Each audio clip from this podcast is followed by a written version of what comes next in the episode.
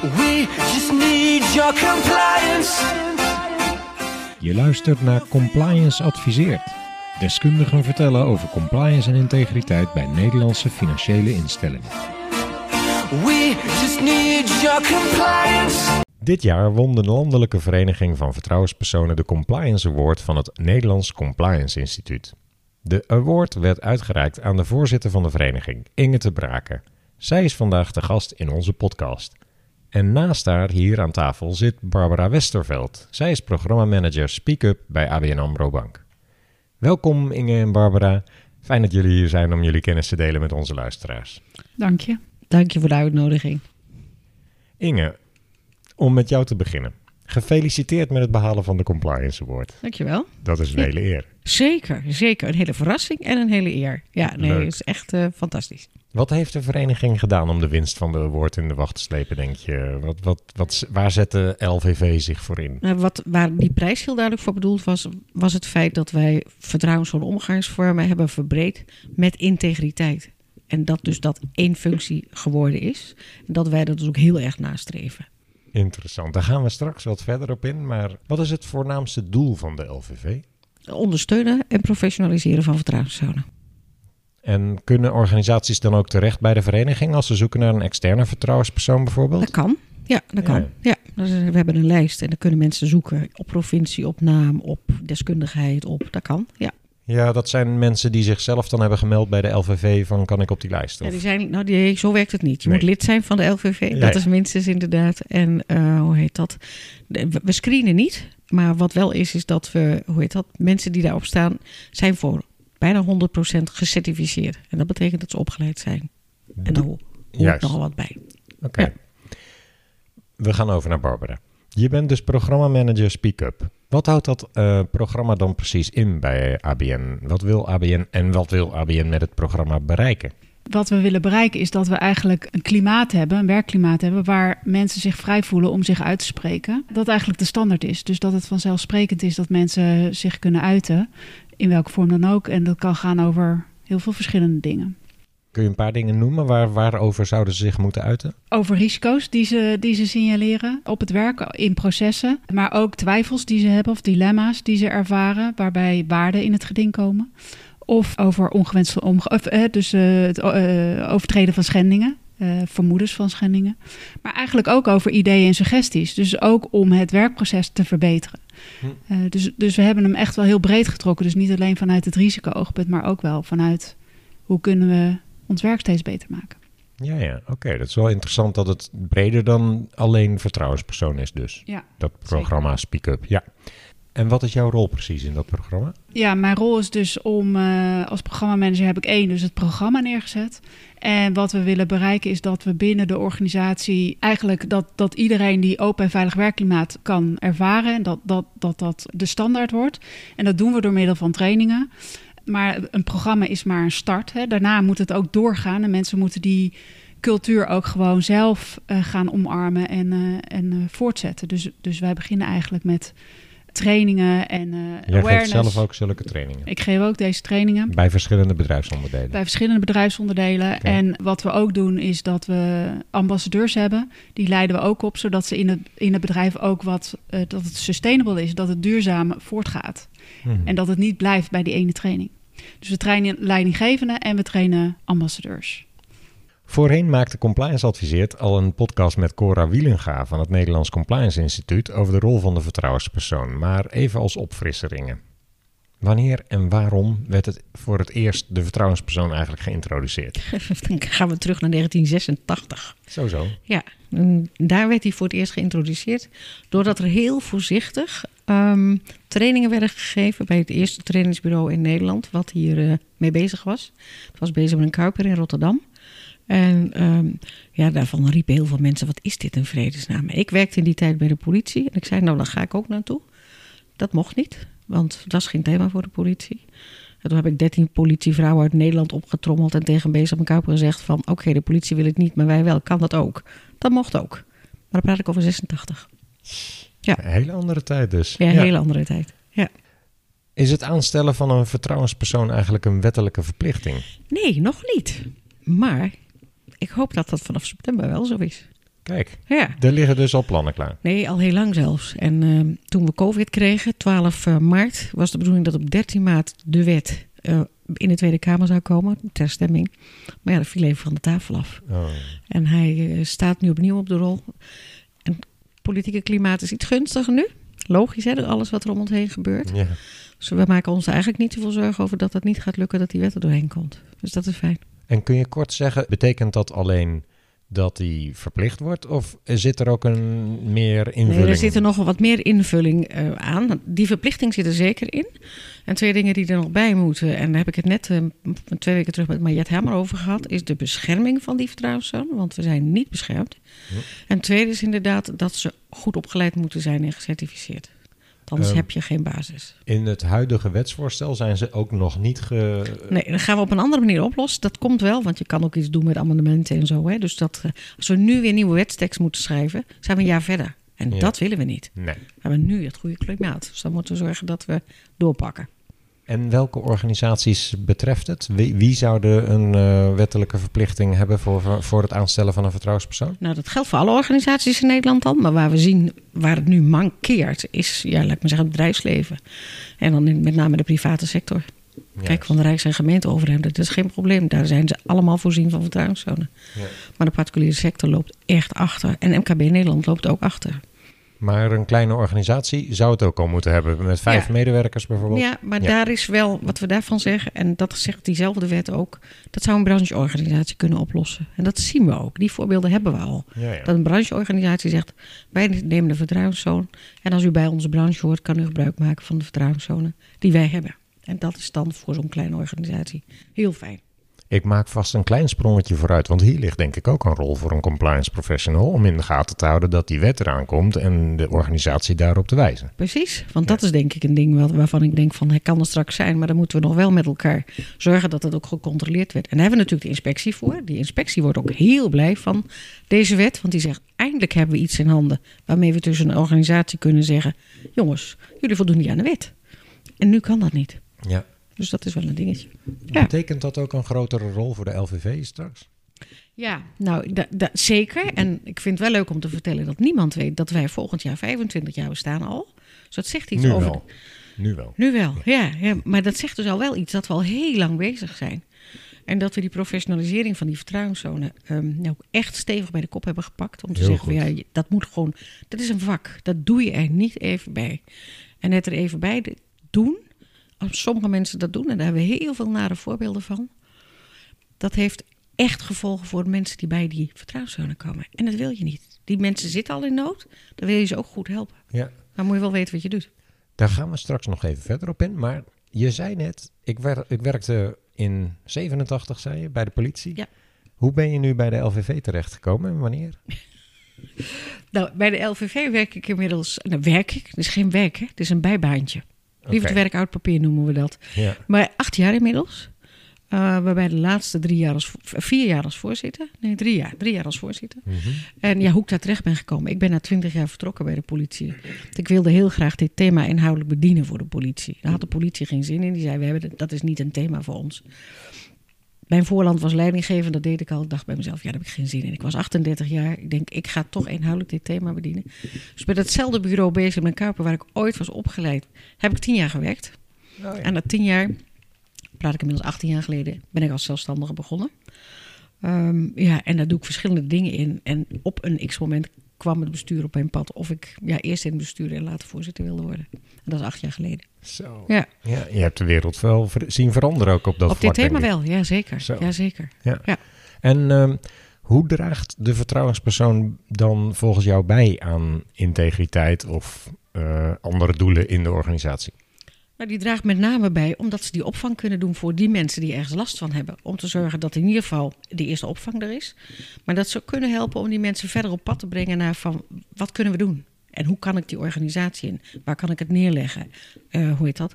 Op heel veel verschillende manieren kan dat. Maar dat is hun bijdrage. Dus opvang en zorgen dat de mensen op de goede plek terechtkomen om hun probleem opgelost te krijgen. Mhm, Oké, want ehm, hoe, hoe is de rol en het aandachtsgebied van die vertrouwenspersoon in de loop der jaren veranderd?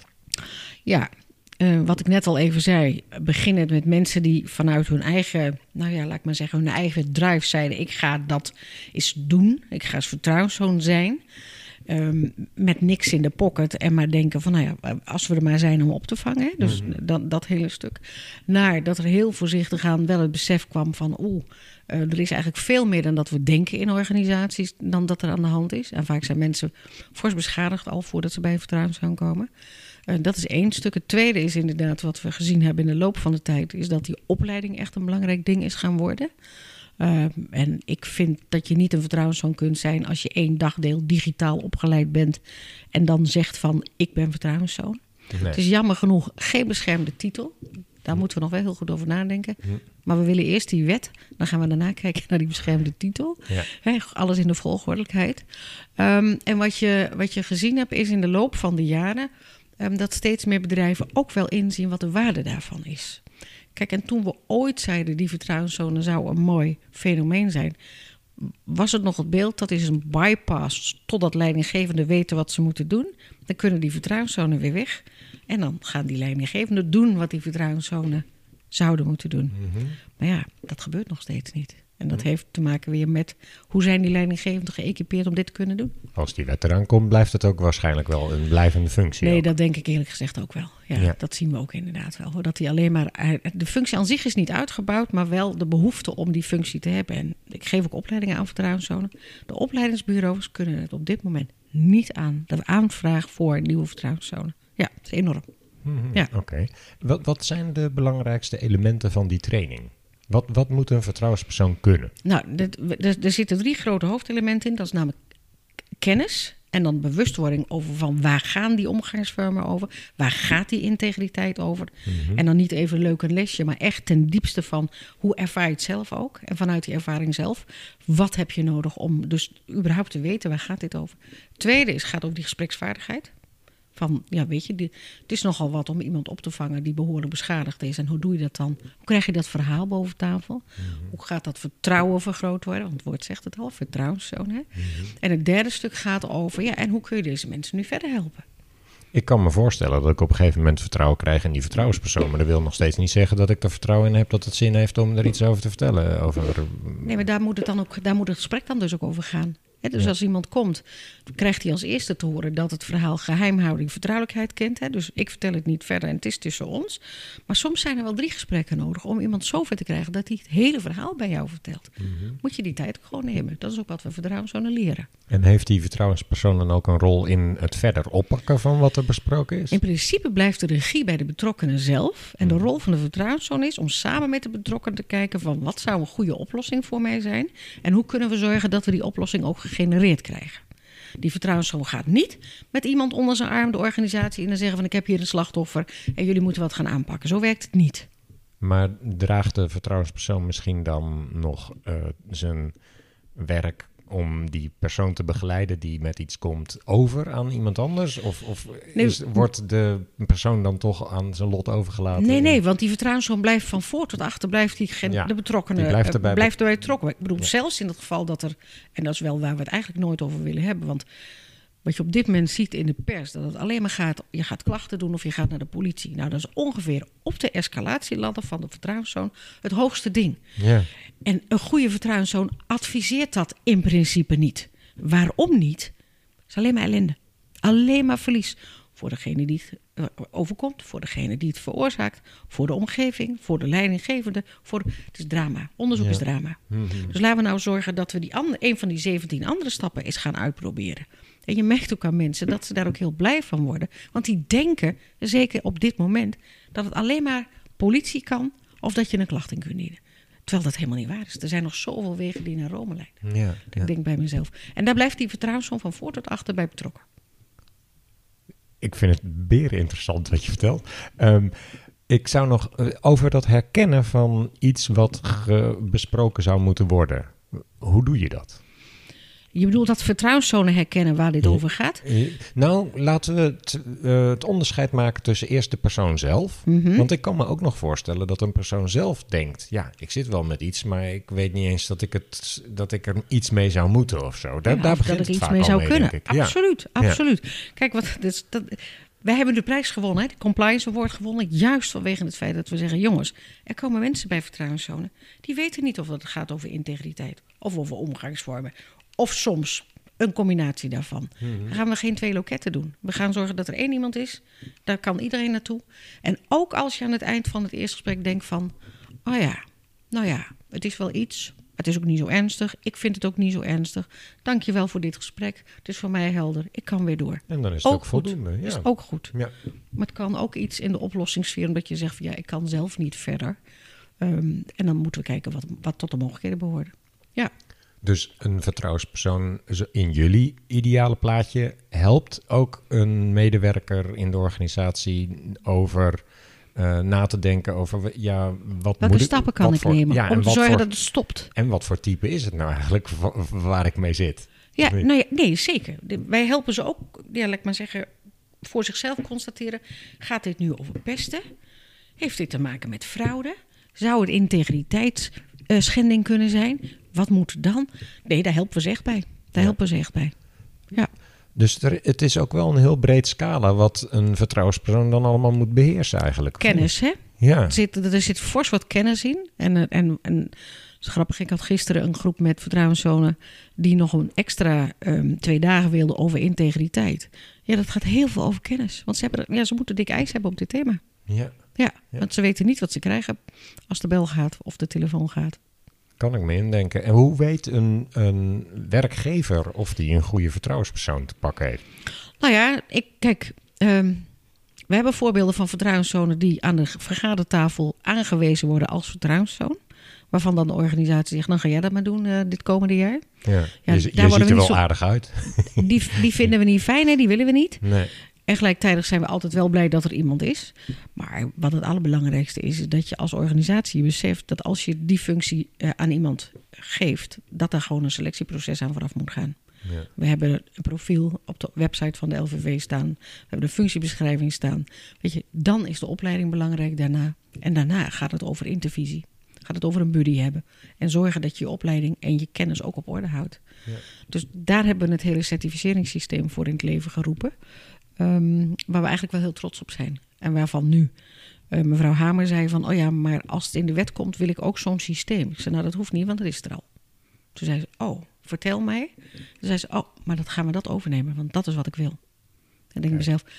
En dat, dat, dat wordt alleen maar belangrijker. Want wat je nu ziet in de constellatie die we voor ons hebben...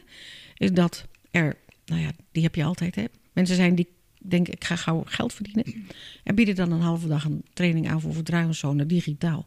En dan ben je vertrouwenszoon. Ja, zo werkt het dus niet. Nee. Weet je, en dat kaf willen we graag van het koren scheiden. Ja. Dus twee derde van onze leden, we hebben ongeveer 2000 leden, twee derde van onze leden zijn inmiddels gecertificeerd. En dat is een mooie, mooie bereik, eh, want die certificering is pas sinds drie jaar. Dus dat is, dat, dat is nog maar een korte periode. En we zien dat degenen die niet gecertificeerd zijn, dat zijn met name de mensen die al heel lang vertrouwenszoon zijn, bijna aan het eind van hun vertrouwenszoon carrière zijn. En zeggen van, nou weet je, ik maak het toch af. En daarna, ehm, hoe heet dat, dan, dan voor mij anderen. En dan zie je gelukkig dat het besef er heel erg is tegenwoordig. Dat je echt wel iets moet hebben aan opleiding. Ja. Duidelijk. Het feit dat het een wettelijke verplichting wordt, zou kunnen suggereren dat organisaties eigenlijk niet goed beseffen wat de toegevoegde waarde is van zo'n vertrouwenspersoon. Anders Ben hoef je het niet op te leggen. toch? Precies, hè? Nee, ben je- nee, absoluut. Heb ik geen idee. Hoe, hoe, Geen idee. maar wat draagt, dan, dan heb je nu de kans om te vertellen aan die luisteraars waarom dit zo belangrijk is. Yes. En wat het ook voor de organisatie bijdraagt. Nee, maar kijk, wat het, voor, wat het voor de medewerker bijdraagt, is dat er een plek is in de organisatie waar mensen terecht kunnen met hun verhaal, zonder dat dat verhaal al in de organisatie komt te liggen. Ja. En dat ze zelf de ruimte en de gelegenheid krijgen om na te denken: wat wil ik er nou mee? Een hele goede dat je met die medewerker toch weer begint in het antwoord. Ja, ja. ja. Ja, want dat is al van belang. Je, je krijgt de ruimte om dat te kunnen vertellen zonder dat er, dat er iets moet al. al eh, consequenties aan kunnen Precies, zitten. want dat is de angst vaak voor mensen. Hun Ja. overkomt iets en dan, dan zit er schuld, zit schaamte. Dat is aan de ene kant van, oh mijn hemel, wat is mij overkomen? En aan de andere kant de angst, als ik ermee naar buiten kom, wat gebeurt er dan met mij? Ja, ja. En weet je, daar hebben we natuurlijk te veel foute voorbeelden van. En Mhm. nogmaals, hoor wat we het afgelopen jaar horen. Half jaar horen. Een paar voorbeelden?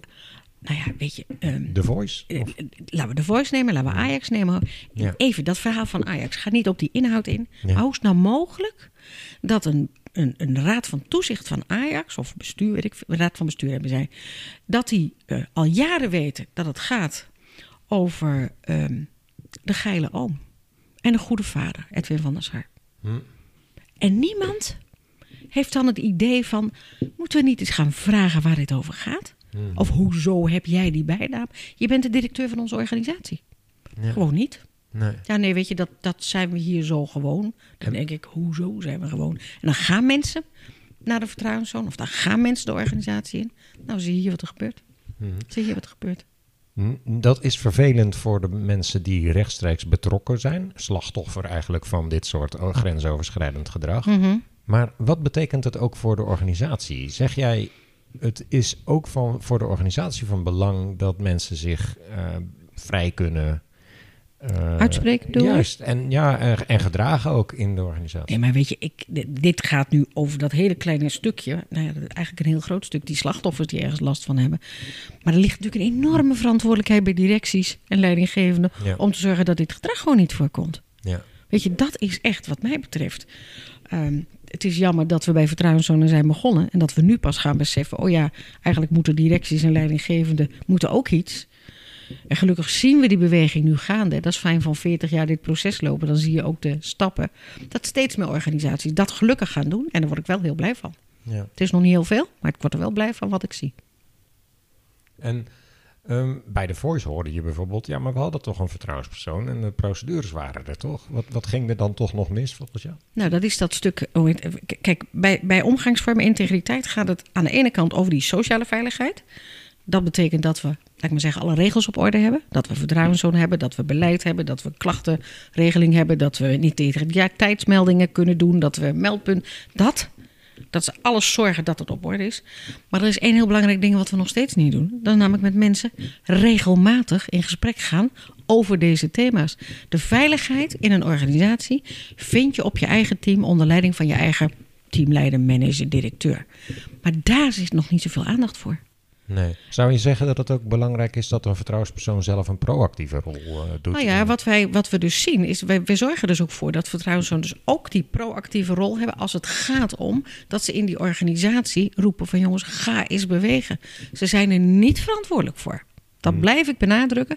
Je mag niet van de vertrouwenszoon wachten dat hij beleid gaat schrijven, dat hij trainingen gaat geven. Dat, dat is niet. We zien dat wel gebeuren, hè? maar dat is niet de bedoeling. Want dan ben je met het andere stuk bezig, namelijk die kant waarvan je zegt: organisatie, word eens wakker, ga eens bewegen. Daar zou je een afdeling integriteit voor moeten hebben. Of een compliance officer die zich daar druk over Of een maakt. speak-up programma. Wat zeg je? Ja. Of een speak-up programma. Precies, Nou. weet je dat? Want dat denk ik bij mezelf, dat is inderdaad waarvan ik denk: daar moet je naartoe. Daar moet je echt naartoe. Dus Nou, en leuk dat je nu eh, je, je liet horen, Barbara, want ik wilde net overstappen op dat speak-up programma. Hoe weten medewerkers van ABN waarmee ze terecht kunnen bij vertrouwenspersonen? Binnen het Speak Up programma besteden we daar ook aandacht aan, omdat we gemerkt hebben in de organisatie dat mensen ehm, zeg maar een hoge drempel ervaren om naar eh, de Speak Up kanalen toe te gaan. Eh, bij ons zijn ze iets breder dan alleen vertrouwenspersonen, daar zal ik zoiets over zeggen. Ehm, dus dus die, die drempel te verlagen, maar daarnaast ook de bekendheid te vergroten. Want je ziet wel dat sommige mensen gewoon echt niet weten dat we inderdaad vertrouwenspersonen hebben. Of eigenlijk nog veel meer eh, kanalen hebben. Want we hebben ook nog mediation office. Eh, maar we hebben ook medezeggenschap eh, waar mensen terecht kunnen. Dus we hebben veel meer onderdelen waar mensen zich kunnen uitspreken. Dus binnen het programma besteden we daar aandacht aan. Dat doen we door communicatie. Maar we hebben bijvoorbeeld ook filmpjes gemaakt van de verschillende kanalen. Waarmee we dus in de training ook aandacht besteden. Van nou, welke herken je? Welke, waar zou je terecht kunnen? Of bij wie zou je terecht kunnen? Wat wil je ermee? Of waar voel je je zo lang bij om, om je al wel te melden? Ook om te kijken wat vinden mensen, eh, wat vinden mensen prettig. Ja, ik hoor Inge net zeggen, bij een vertrouwenspersoon kun je iets aankaarten zonder dat je bang hoeft te zijn voor de consequenties. Maar als ik naar een medezeggenschapsraad ga, heb je dat waarschijnlijk niet. Wordt daar aandacht aan besteed in die filmpjes en die trainingen bij ABN? Eh, ja, kijk, eh, vertrouwelijkheid is het allerbelangrijkste wat er is. Dus dat is voor al die verschillende kanalen die we hebben, is dat zeg maar inderdaad, wat Inge ook al zegt, is dat het belangrijkste. Want anders dan ja, wordt die drempel alleen maar nog hoger. Dan gaan mensen helemaal nergens naartoe. Dus, dus eh, ook bij de medezeggenschap kan dat eh, vanuit vertrouwelijkheid. Maar daar is het vaak omdat het dan bij meerdere mensen speelt. Dus als het groter is dan één individu, maar je ziet gewoon iets wat een tendens is op een bepaalde afdeling, ja, dan zou je naar de medezeggenschapsraad bijvoorbeeld kunnen gaan. Ja, oké. Dus dat is het verschil. Dat is niet een individueel geval, maar dan ga je als groep of zo. Nee, dat is, dat, dat is ook wat vertrouwenszonen hebben. Die hebben zo'n escalatieladder. En zijn dan twee hele mooie dingen. Mediation, die zit ook in die escalatieladder. Als je dan wil. Maak gebruik van de mediatorspool die er is. Of we gaan op zoek naar. En als het heel groot is op zo'n afdeling. Ja, kunnen jullie zeker de medeschaps, de zeggenschapsraad gebruiken. Om het verder te brengen de organisatie in. Ehm, maar het grote verschil is wel die vertrouwelijkheid. Die hebben die vertrouwenszonen wel. En die anderen niet. Nou hoor ik dus dat ABN duidelijk aandacht besteedt aan de wijze waarop mensen speak-up kunnen Ja, doen, zal ik maar mooi. zeggen. Mooi. Ehm, dat vind ik ook zeer te eh, waarderen. Ook mooi dat dat eh, breder wordt getrokken dan alleen de vertrouwenspersoon. Je kunt Zeker. natuurlijk met, met meerdere dingen bij meerdere partijen aankloppen. Wat ik me wel afvroeg is, zit in die trainingen ook een mogelijkheid voor de vertrouwenspersoon om te leren zichzelf te laten horen richting bestuur of leidinggevende en ook richting eigen manager. Want, want het mooie is, bij dit speak-up programma hoeft de vertrouwenspersoon dus zelf niet per se meer de boer op. Dat wordt geregeld in dit speak-up programma. Ja, dat ik hoop ik. begrijp. Ja, dat hoop ik. Ik weet niet of dat zo is. Ja, Kijk, ik ben wel maar- benieuwd. Dat wil ik Ja, zo ja, nog even horen. Ja. maar- Ja, nou even in die, in die opleiding zit Ja. wel degelijk iets in de samenwerkingsrelatie leidinggevende. Daar leren we ze iets over. Heel goed. En tweede waar we ze, wat, waar we ze zeker eh eh, fors in meenemen, is een eigen presentatie in de organisatie. Ja, want dat lijkt me heel belangrijk. Nee, dat, eh, dat is. ja. wij- Ik bedoel, je kunt wel vier dagen trainingen volgen, maar dan, als je daarna niks doet, gebeurt er niks. Hè? Nee, precies. Dus dat proactief is wel degelijk eh, een, belangrijk, belangrijk thema. aspect, ja.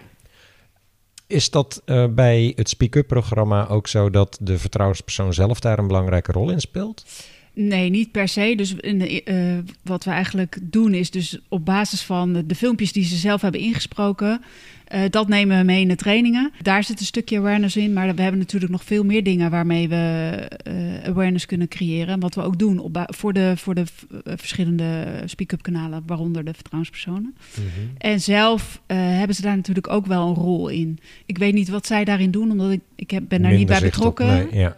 Maar het is al goed dat ze in die filmpjes zijn, zodat mensen in ieder geval weten, oh, bij die persoon. Dat en is dat die ze er ook een gezicht bij hebben. Precies, Dus dan, ja. dan wordt het ook al vertrouwelijker. Dan hebben mensen ook het gevoel, hé, hey, daar wil ik wel naartoe. Dat maakt het al makkelijker. Ja. Koppelt ABN de VPO in de praktijk ook al aan de VPI? En dan heb ik het dus onge- ongewenste eh, omgangsvormen en eh, integriteit. Ja. Nee, wij hebben dus inderdaad een vertrouwenspersoon eh, integriteit. Dat is eh, iemand die, zeg maar intern, dus binnen de banken ook werkt, die dat ook fulltime doet. En vertrouwenspersoon ongewenste omgangsvormen, dat zit bij ons bij de arbodienst, dus bij, eh, bij Beter. Ja, dus die rol is wel gescheiden. Als je dat zo hoort van Inge, denk jij dan, hmm, dat zouden we misschien ook eens moeten overwegen om dat te koppelen? Ja, ik snap wel dat het uit elkaar is gehaald. Ja, ik, ik, ik heb, de, de weet ik, de, ja, ik vind het een goede, goede suggestie. Ik denk dat het sowieso eh, moet je nadenken over wat is voor de medewerker het ha- handigst. En dat maakt het dus niet uit hoe je dat aan de achterkant regelt. Ik denk dat het belangrijk is dat de medewerker moet weten: er is één plek waar ik naartoe kan gaan. En wie dat dan is, dat, daar moeten zij niet over hoeven eh, na te Nee. denken. Nee, Dat- nee dat, dat is inderdaad eigenlijk ook het algemene achter, Achterliggende gedachte van dit geheel. Ja, toch? absoluut. Ja, ja. Ja. En als die partijen onderling ook elkaar naar, naar elkaar kunnen doorverwijzen en goed weten bij wie ze dan wel terecht moeten, dan En los je dat eigenlijk precies. ook op. En dat is ook wat we wel doen. Dus, dus als we naar vertrouwenspersoon ongewenste omgangsvormen gaan en het is eigenlijk meer een integriteitscasus, dan wordt dat natuurlijk ook met elkaar eh, Afgestemd. Ja. En ehm, wat is volgens jou precies het belang van het programma Speak Up? Ehm, misschien heb je daar al iets over gezegd, maar kun je benadrukken wat het voor ABN betekent? Het belang daarvan is dat je natuurlijk, je kan alles inregelen. Dus je kan eh, verschillende speak-up kanalen hebben. Maar je moet ook zorgen dat je op de werkvloer een cultuur eh, creëert waar mensen eh, zich sowieso veilig voelen en, en zich durven te uits- uitspreken. Om de stap te zetten naar vertrouwenspersoon is best wel een hele grote. Dat doen mensen echt pas als ze helemaal in de knel zitten. En je wil eigenlijk dat mensen op de werkvloer die dialoog gaan voeren. En dat ze met elkaar ook over moeilijke zaken het gesprek durven aan te gaan. En dat leidinggevenden en eigenlijk ook de medewerkers uiteindelijk zelf, dus het team, met elkaar ook die verdiepende vragen durven te stellen. Maar dat als er een grapje wordt gemaakt, dat je ook kan zeggen: ik vind het eigenlijk toch niet zo'n tof grapje. En dat je met elkaar er dan over spreekt: van ja, maar wat vinden we dan wel passend en wat vinden we dan niet passend? Dat dat gesprek gewoon gevoerd kan worden in het team en op de werkvloer. Dan heb je het voornamelijk over ongewenste eh, omgangsvormen. Je kan dat ook zien in risico's. Als je ziet in een proces, hey, we doen hier iets waarvan er best wel een groot, misschien wel een privacy- privacy ris- risico aan zit of een ander risico, dat je ook dat durft te uiten. Eh, je wil namelijk dat kleine issues klein blijven, omdat je er al eerder over spreekt, dat er geen grotere eh fraudezaken of, of grote incidenten gaan worden. Dus ook daarvoor geldt dat het belangrijk is dat je vroegtijdig met elkaar daarover in gesprek gaat. En dat je weet, ik mag dit uiten, ik mag mijn twijfels uiten. En ik kan het verkeerd hebben, eh, geeft niet. Maar dan hebben we het in ieder geval eh, met elkaar eh, al eerder besproken. En dan kunnen we het oplossen. In welke status bevindt het Speak-up programma zich nu bij ABN? Is dat nog aan het opzetten of eh, al af, bijna We afgerond? zijn al drie jaar bezig. In die drie jaar, kijk, ABN AMRO is, is ook best wel een hele grote organisatie. Dus we hebben 20, 25.000 eh, medewerkers. En we zijn eigenlijk stap voor stap per bedrijfsonderdeel en per afdeling eh, zijn we gestart. En we zijn eigenlijk begonnen met afdelingen waar eh, intrinsieke motivatie was om te starten. Omdat ik geloof dat als je hier niet intrinsiek voor gemotiveerd bent, dan ga je ook niet, eh, ja, dan, dan werkt het niet. Als je een cultuur verandert, je moet hier echt in geloven om dit te gaan doen.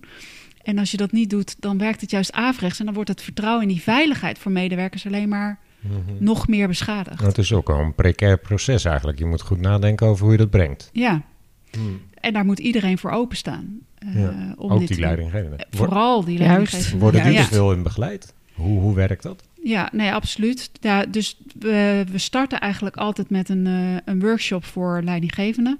Waarin we nou, ja, uitleggen wat Speak Up inhoudt, eh, waarom we dit doen, de aanleiding en, ehm, en ook welke rol zij daarin kunnen vervullen als leidinggevende. Welke, eh, en hoe belangrijk die rol ook is.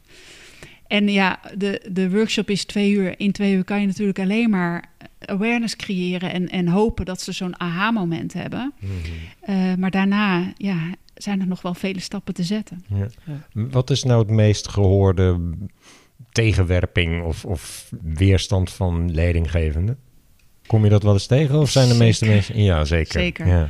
De meest gehoorde weerstand is soms, het zijn vaak niet de echte redenen, denk ik, maar de, de, dus tijd. Of hè, van ja, we hebben er nu geen tijd voor. Eh, we hebben even andere strategische issues die we nu moeten oplossen. Ofwel dat ze zeggen, we willen het ophangen aan het grotere cultuurplan. Of waar, waar we moeten, eh, dat, dat, het lijn, hè, dat, dat ze dingen aan elkaar willen koppelen. Ja, dat zijn natuurlijk allemaal dingen om het ja, wel vooruit te schuiven. Maar niet over de inhoud. Daarvan zeggen ze ook wel altijd, ja, dit is heel belangrijk. Dus dat is wel altijd het gelukkig het eerste het heel belangrijk, maar ze schuiven het wel vooruit. Ja. dat hoor je. En maar ook van, ik vind het belangrijk. En dat je dan dat je dan vervolgens ziet dat het dan voor de medewerkers moet zijn. Maar het is ook belangrijk. Dat, zij hebben daar ook een belangrijke rol in. En Ja. dat wordt niet altijd eh, op, ja, Ja. in eerste instantie. Zij hebben dus die training, eh, hè, dus die workshop doorlopen. Dus dan hoor je wel altijd na die, die workshop van... ehm, oh ja, dit is veel belangrijk. Ik wist niet dat het nog zoveel speelde. Die bewustwording, die wordt wel in die twee uur vaak gecreëerd. Ja. Omdat ze echt niet bewust zijn van dat dat nog zoveel speelt.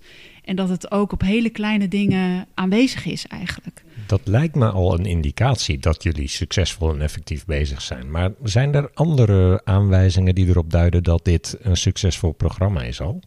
Ik zou willen dat ik daar... eh, eh, ja, ik kan daar positief op antwoorden, maar... ehm, het is heel moeilijk om psychologische veiligheid dat te meten Ja. eh, en te weten dat het succesvol is. Want je weet niet wat je hebt voorkomen Nee. eh, ten opzichte van ehm, als je dit niet had gedaan. Dus het is eigenlijk ook echt een kwestie van de overtuiging hebben dat dit werkt.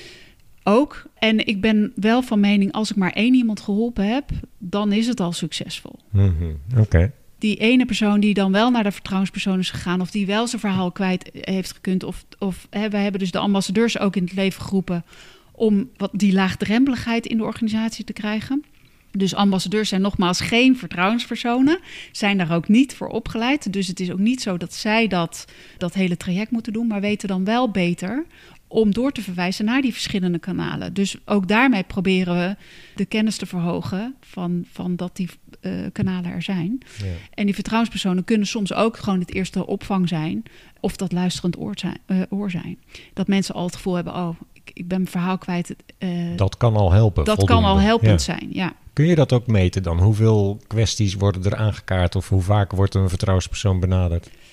Ja, we hebben wel getallen, maar ik denk niet dat het nodig is om dat hier eh, Nou, dat niet, maar- bespreekbaar te maken. Maar wat Ja. we wel zien is dat dat... Je ziet het wel vergroten.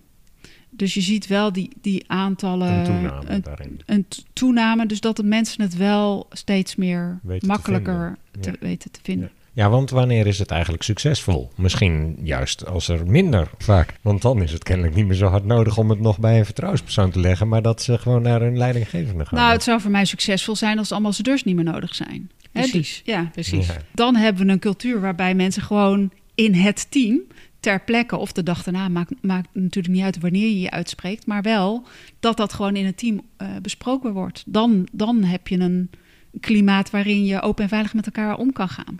Je zei 20 tot 25.000 medewerkers bij ABN. Hoeveel daarvan zijn vertrouwenspersoon? Vertrouwenspersoon of ambassadeur? Ambassadeur dan, laten we daar beginnen. Ja. ja, want die ambassadeurs, nogmaals, dat zijn geen vertrouwenspersonen. Dat wil ik echt heel duidelijk zeggen. Dat zijn mensen die affiniteit hebben met het onderwerp en die dit belangrijk vinden. En wat zij doen is ook gewoon die awareness verder brengen dan, dan dat wij dat kunnen doen vanuit een centraal compliance afdeling. Ja. Ja. maar Dus- die hebben dus wel niet Die iets hebben een- andere rol dan echt vertrouwenspersoon zelf. Ja, Ja. zij zijn niet opgeleid om vertrouwen. Tuurlijk zijn die gesprekken ook vertrouwelijk, maar zij zijn gewoon meer het aanspreekpunt als Ja. iemand eh, ergens mee zit, zodat ze kunnen zeggen: Nou, dan, dan is het handig om naar Ja. die vertrouwenspersoon te gaan of naar mediation of eh, Ja, ga dus- nog eens met je leidinggevende in gesprek. Ze kunnen ook helpen om te oefenen, om dat gesprek te oefenen met degene waar ze dan een, een, een probleem mee hebben of, of als ze dat spannend vinden, dat soort dingen. Oké, duidelijk. Die zijn dus ook meer gelieerd aan het programma Speak Up, denk ik. Sowieso, ja. Maar hoeveel zijn dat er? Eh, dat zijn er nu eh 350 zitten we op. En we hopen iets naar de, ja, zo ongeveer vier- 450 eh, ambassadeurs in de organisatie te hebben. Ja. En het aantal vertrouwenspersonen dan nog? Dus integriteit, ik weet het niet precies, maar volgens mij twee of drie. Hmm, En dan voor vertrouwenspersonen ongewenste omgangsvormen zijn er... Ja, dat zit ook bij beter, dat weet ik ook niet precies. Dus dat, ik denk dat het er meer zijn. Maar het is een gecombineerde rol die zij hebben. Dus zij zijn ook company counselor.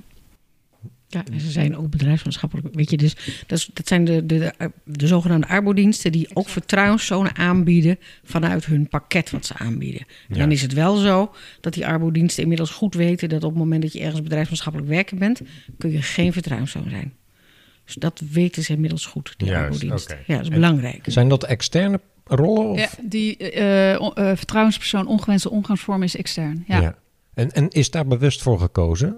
Is dat een extra gevoel van vertrouwen? Want die personen hoeven niet... Maar ja, aan de andere kant, ze worden wel ingehuurd door ABN. Dus hmm, Eh, daar, daar weet ik echt te weinig Nee, van dat af. is- Dus ehm, wat zou jouw advies daarin zijn, Inge? Wat het meest ideale is dat je zorgt dat je eh, interne vertrouwenszoon hebt en een enkele externe. Zodat de mensen ook nog de keuze hebben om buiten de organisatie te gaan. Ja. En het voordeel van die interne is dat het de laagdrempeligheid, hè, waar, waar, waar jij het net over hebt, is dat je denkt van die, die vergroot je door interne mensen aan te stellen. En dat zien we dus ook.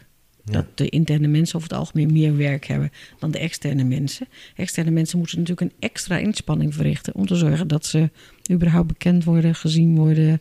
Ehm, ik ben zelf nog voor twee kleine organisaties externe vertrouwenszoon. Maar die zien mij dan ook vier of vijf keer per jaar, want anders heb ik geen verbinding met ze. Dan Nee. kennen ze me niet, Ja. weten ze niet wie ik ben. ja, je kunt als externe vertrouwenspersoon niet echt achterover gaan leunen. Nee, dat, dat, dat kan niet. Dan moet je echt heel actief zijn om jezelf bekend te maken en om Ja. bekend te worden met die organisatie. Dus Duidelijk. de combi zou het mooiste zijn. En Barbara, als we nou even kijken naar eh, serieuze integriteit-incidenten. eh, heb je het idee dat vertrouwenspersonen daar al een rol spelen in het voorkomen van incidenten verder? Dat vind ik wel een lastige vraag. Ehm, Ja, we zeiden al dat het moeilijk is om, de, om meetbaar te maken wat ze bijdragen daaraan. Maar ja, maar ik weet ook niet of ik daar... ehm, daar heb je niet zo goed zicht op. Nee, kijk, ik weet... eh, ja, Misschien heb jij daar een voorbeeld van, Inge? Ja, wat je, wat- kijk, voorkomen is altijd een lastige natuurlijk. Want mensen komen bij vertrouwenszone als er al iets gebeurd is. Maar je bent zelf pe- vertrouwenspersoon. Heb je wel eens zoiets gezien? Dat, Dat er mensen Dat met integriteitskwesties komen, Ja. bedoel je dat? Ja. Jazeker, Ja. en en Ja. heb je dan het idee dat het, doordat het bij je is aangekaart, dat het de- voorkomen werd om het eh, een groter probleem te maken voor die Nou, organisatie? sommige, nee, sommige dingen hebben we inderdaad klein kunnen houden. En, en, want belangrijk is dat je eerst maar eens bedenkt met de betrokkenen dat hij het gaat melden. Hè? Mhm. Een meldpunt. En dan eens kijken, wat, wat gaan die daarmee doen? Maar ehm, je hoeft niet altijd bij het meldpunt uit te komen. Je kunt ook een aantal andere dingen doen om te voorkomen dat er een, een, een issue gaat ontstaan wat echt uit de pan vliegt. Omdat we het verkeerd aanpakken of omdat we het verkeerd aanvliegen. Dus dat, nee, dat kan wel degelijk. Ja, Ja. dat kan wel degelijk. Daar zijn mooie voorbeelden van. Ja. Heb je een voorbeeld? Ja, nou, eh, hoe heet dat? Iemand die dus het vermoeden heeft dat er sprake is van fraude op de financiële afdeling. Eh, ook iemand zelf van die afdeling, hè? Eh, maar die spreekt het vermoeden uit. Maar realiseert zich ook dat als ik dat ga vertellen, ehm, ja, wat betekent dat voor mij? Want dat is natuurlijk ook altijd de vraag die mensen hebben. En uiteindelijk hebben we gezegd van oké, eh, als jij dat vermoeden hebt, kun je dat ergens op staven? Heb je dat ergens? Ja, het is gewoon zichtbaar in onze systemen wat er gebeurt. Ik zeg dus ja, dat is belangrijk hè, dat je even kijkt van is er überhaupt iets waar dat, eh, waar dat op is? En vervolgens eh, hoe heet dat, is de, ben ik samen met de betrokkenen naar eh, hoe heet dat, de directeur gegaan. Zei van ja, dit vermoeden bestaat. We weten het niet zeker, maar dit vermoeden ligt, dit ligt eronder. Ehm, hoe heet dat? En die zei van, nou, dat vind ik wel heel fijn om, om te weten. Die is daarmee aan de slag gegaan. Uiteindelijk is er wel iemand ontslagen, hè, want het klopte dus inderdaad. Maar als je niet uitkijkt, wordt dat een heel groot ding Ja. wat de krant haalt. Nou, Ja. waar in dit geval die organisatie echt niet blij van was geworden. Nou. dan gaat het imago natuurlijk een enorme keldering krijgen. En dan, kijk, die directeur ook van ja, in de eerste instantie schrok ik me kapot toen jullie kwamen. Maar achteraf ben ik zo blij dat jullie gekomen zijn. Ja. Hij zei, want ja, als, als, en dat zijn die betrokkenen ook. Ja, zei, ik heb heel lang zitten bedenken en ik heb ze heel lang thuis besproken en gedacht van, ja, waar ga ik dit nou melden? Ja. En de boodschap was eigenlijk, ja, ik wil het het liefst heel klein houden, want ik zit er niet op te wachten. Kijk, ook bij integriteitskwesties zijn mensen altijd bang dat het schade voor hen oplevert. En bij omgangsvormen snap ik dat nog, hè? want dan hebben wij, hebben Barbara en ik, hebben samen een geding, samen waar we niet goed uitkomen. Maar integriteit gaat altijd over de organisatie. En dan toch zijn mensen bang dat als ze daar meldingen van maken, dat hun hoofd wordt afgehakt.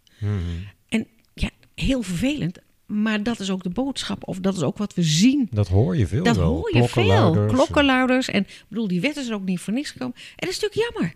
Want organisatie, omarm die man of vrouw. Geef hem zo'n razet Hmm. op zijn, op zijn revers van dankjewel voor de melding. Wij gaan het onderzoeken. Ja. Nee, je krijgt de slag in je nek. Zit het Dan probleem ook niet in het feit dat een klokkenluider die dus slachtoffer wordt zelf eh, veel duidelijker in de pers naar voren komt dan een klokkenluider die, of die succesvol is geweest en gewoon Die verhalen horen we niet, hè? Nee, maar die horen we niet, die verhalen. Hè? Dus dat, daar, ik bedoel, dat is ook wel logisch.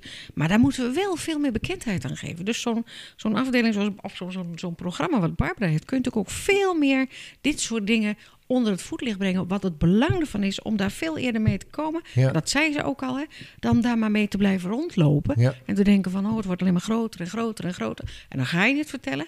Ja, en dan heb jij het gedaan. Terwijl, Nou, ik zit nog te heeft denken. het niet gedaan. Als zo iemand fraudeert en men weet dat binnen, binnen die afdeling, dat heeft volgens mij ook gevolgen voor de cultuur binnen die afdeling. Absoluut. Anderen zullen ook gaan denken, nou weet je wat, eh, ik kan dit ook wel meenemen. Als, want als hij doet, waarom doet zou... Precies, want dat is het verhaal. Ja. En het tweede is, wat denk je wat er gebeurt? Ik bedoel, dit is dan vanuit het voorbeeldgedrag... wat de baas doet, mag ik ook. Maar het tweede is, hoe fysiek denk je dat die omgeving wordt...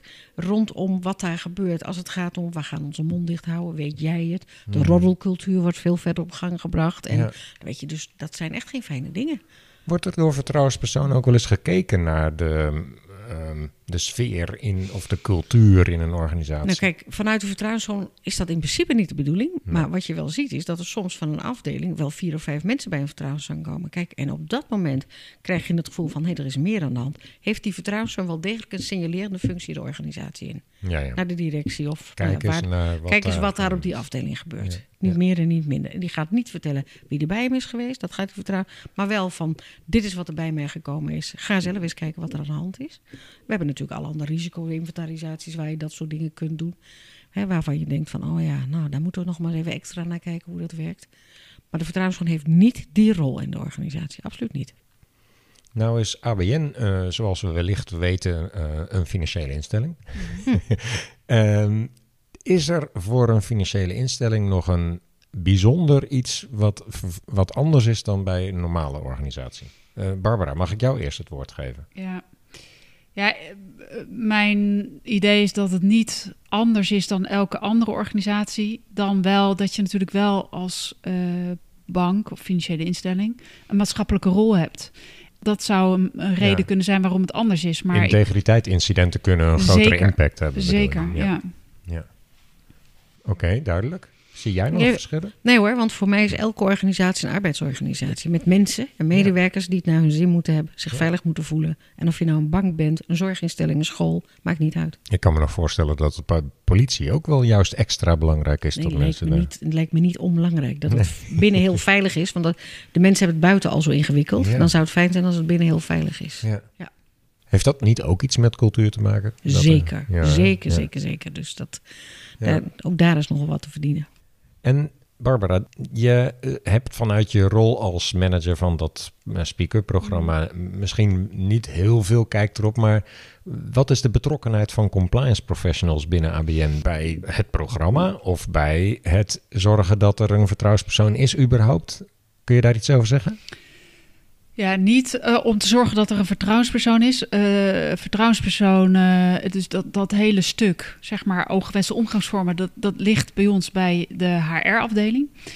Compliance is een, een, een tweede lijnspartij. Eh, daar vallen wij wel onder met onze afdeling.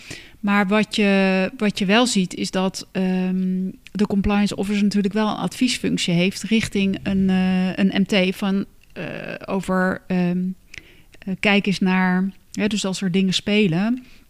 Of op, op eh, we hebben natuurlijk ook één keer per jaar employee engagement onderzoek en we doen een work climate survey. En als daar elementen in zitten waarbij we zeggen, hey, hier scoor je slechter op, dan heeft daar de compliance officer eh, wel een functie in om daarover over te adviseren. Ja. En daarin zou hij, hij of zij ook speak-up als middel kunnen adviseren. Van joh, volgens mij is het verstandig als jij eh, daarmee eh, start. Oké, ja. Ja. Nou, dat is een duidelijke rol. Ja, maar, betro maar eh, beperkt. Ja, zeker. Ja. Ehm, wat mij betreft zijn we eh, goed wat, wat we allemaal wilden bespreken over de vertrouwenspersoon. Eens? Eens. Laten we kijken naar de toekomst. Welke ontwikkelingen verwachten jullie nog op het vlak van de vertrouwenspersoon? En misschien, Inge, kan ik jou daar het voor best het woord geven. Ja, nou ja, wat ik al zei, eh, de ontwikkeling op korte termijn is die, eh, die, die wet, Ja. die niet, eh, niet onbelangrijk is. Ehm, En op de wat langere termijn misschien? en op de wat langere termijn dat we dus ook gaan kijken dat we ehm, die bescherming krijgen van die vertrouwens, dat het dus een beschermde titel wordt. Want nu kan iedereen zich die titel veroorloven. Ja. Ehm, en wat je daarnaast, eh, wat ik heel graag wil, is dat we mensen die ehm, die titel gaan dragen, dat die ook echt opgeleid zijn. Dus dat Ja. dat een voorwaarde is om die titel te kunnen dragen. Ja. Dat je gecertificeerd bent. Die drie Dat je, dus. ja, dat is voor mij heel belangrijk. En eh, hoe zou wat jou betreft eh, de rol van de vertrouwenspersoon binnen financiële instellingen nog verder kunnen worden verbeterd de komende jaren? Want je hebt het over die drie dingen gehad, hè? maar ehm, ik kan me ook voorstellen dat de, het programma Speak Up eh, dus... In, nee, sorry, ik, ik loop vast en ik denk dat ik deze ook schrap, want volgens mij heb je met het antwoord wat je net gaf eigenlijk al voldoende aangestipt.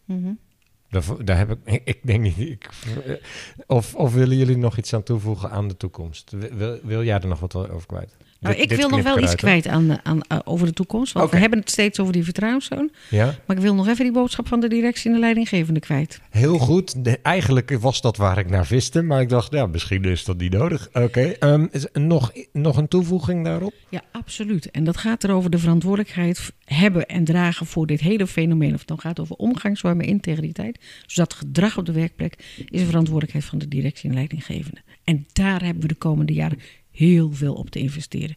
Kijk in de buitenwacht wat op dit moment gebeurt. En dan gaat het over raden van toezicht en directies en leidinggevenden. En dan zie ik een handelingsverlegenheid, maar ook een handelingsonbekwaamheid om hierin op te treden. En als dat dus niet gaat gebeuren, kunnen we nog veel meer vertrouwenszonen en nog veel meer compliance officers aanstellen. Maar daar zijn we er niet mee. Nee. Die directie, leidinggevende, zullen het goede voorbeeld moeten gaan geven. Zullen dus moeten snappen waar dit over gaat. Maar ook weten wat hun rol is. En hoe ze moeten optreden. Weet je, dus mensen opleiden. Ik vind het al fijn om te horen dat de ABN AMRO een workshop heeft van twee uur. Dat is al meer dan zelfs heel veel organisaties hebben. Maar dat is het begin. Daar moet veel meer. De awareness moet er zijn. Maar ze moeten ook heel simpelweg weten... wat moet ik nou doen als er wat gebeurt? Ja. En dat weten ze vaak niet. En dan slaan ze enorme bokken. Dat je denkt, hoe is het mogelijk? Gebruik je verstand, is gewoon je gezonde verstand. ja. Maar men raakt in paniek bij een casus, bij omgangsvormen, bij integriteit. En in die paniek doen we dingen waarvan je achteraf denkt: hoe heb je het bedacht gekregen? Nou, die leidinggevende, die die vertrouwenspersoon, of ja, die, die zowel de vertrouwenspersoon als die melder eh, wel waardeerde voor wat hij deed, dat is natuurlijk, eh, Dat is- zo willen we het zien. Zo toch? willen we het zien, ja. ja, Zo willen we het zien. Ja. Ja. Oké, tot slot, aanhakend op de titel van de podcast. Hebben jullie nog een advies voor de luisteraars? Barbara, mag ik dit, in dit geval bij jou beginnen? Eh, ja, ik zat nog even na te denken over, eh, over wat Inge zat te vertellen. Of ik daar nog iets aan wilde toevoegen. Ik ben het er overigens eh, volledig mee eens. Ik denk dat de rol van de leidinggevende echt nog wordt onderschat in deze. En dat de leidinggevenden zelf ook onderschatten welke rol zij hebben. Hè? Dus dat die voorbeeldrol, die is echt immens. Die, dat, dat vergeet men echt Ja, hoe belangrijk, eh, hoe minuscuul, welke woorden ze gebruiken, dat het soms al impact heeft over waarom mensen zich daarna wel of niet willen uitspreken. zou je advies aan een compliance professional die dit luistert dan zijn, eh, zorg dat je die leidinggevende ook een beetje activeert. Blijf, blijf dit geven. inderdaad eh, benoemen, activeren en, en, en ja, blijf daar naar vragen en, bl- en, en, en, blijf dit, eh, dit, ja, dit verkondigen, precies wat je zegt. Ja. Ja. Oké, dankjewel. En eh, Inge? Ja, voor mij gaat die de hele andere kant op. En dat is namelijk compliance officer. Zoek alsjeblieft die vertrouwenszoon in je organisatie op. Maak kennis, want jullie werken in hetzelfde veld. Maar de vraag is of je van elkaar weet wat je doet. De vraag is of je elkaar überhaupt kent. En volgens mij, als je de handen in elkaar slaat, word je alleen maar sterker. En ben je dus nog beter aan het werk voor die medewerker. En daar gaat het mee om. Ik denk dat eh, veel compliance luisteraars hier echt wat mee kunnen. Hartelijk dank voor jullie bijdrage aan deze podcast. Ik vond Geen het dank. super interessant en ehm, heel veel succes met eh, de toekomst en de aanvullingen op die wetgeving. Dankjewel. En eh, Barbara, jij met het eh, programma Speak Up. ja, dankjewel. Compliance. We just need your compliance.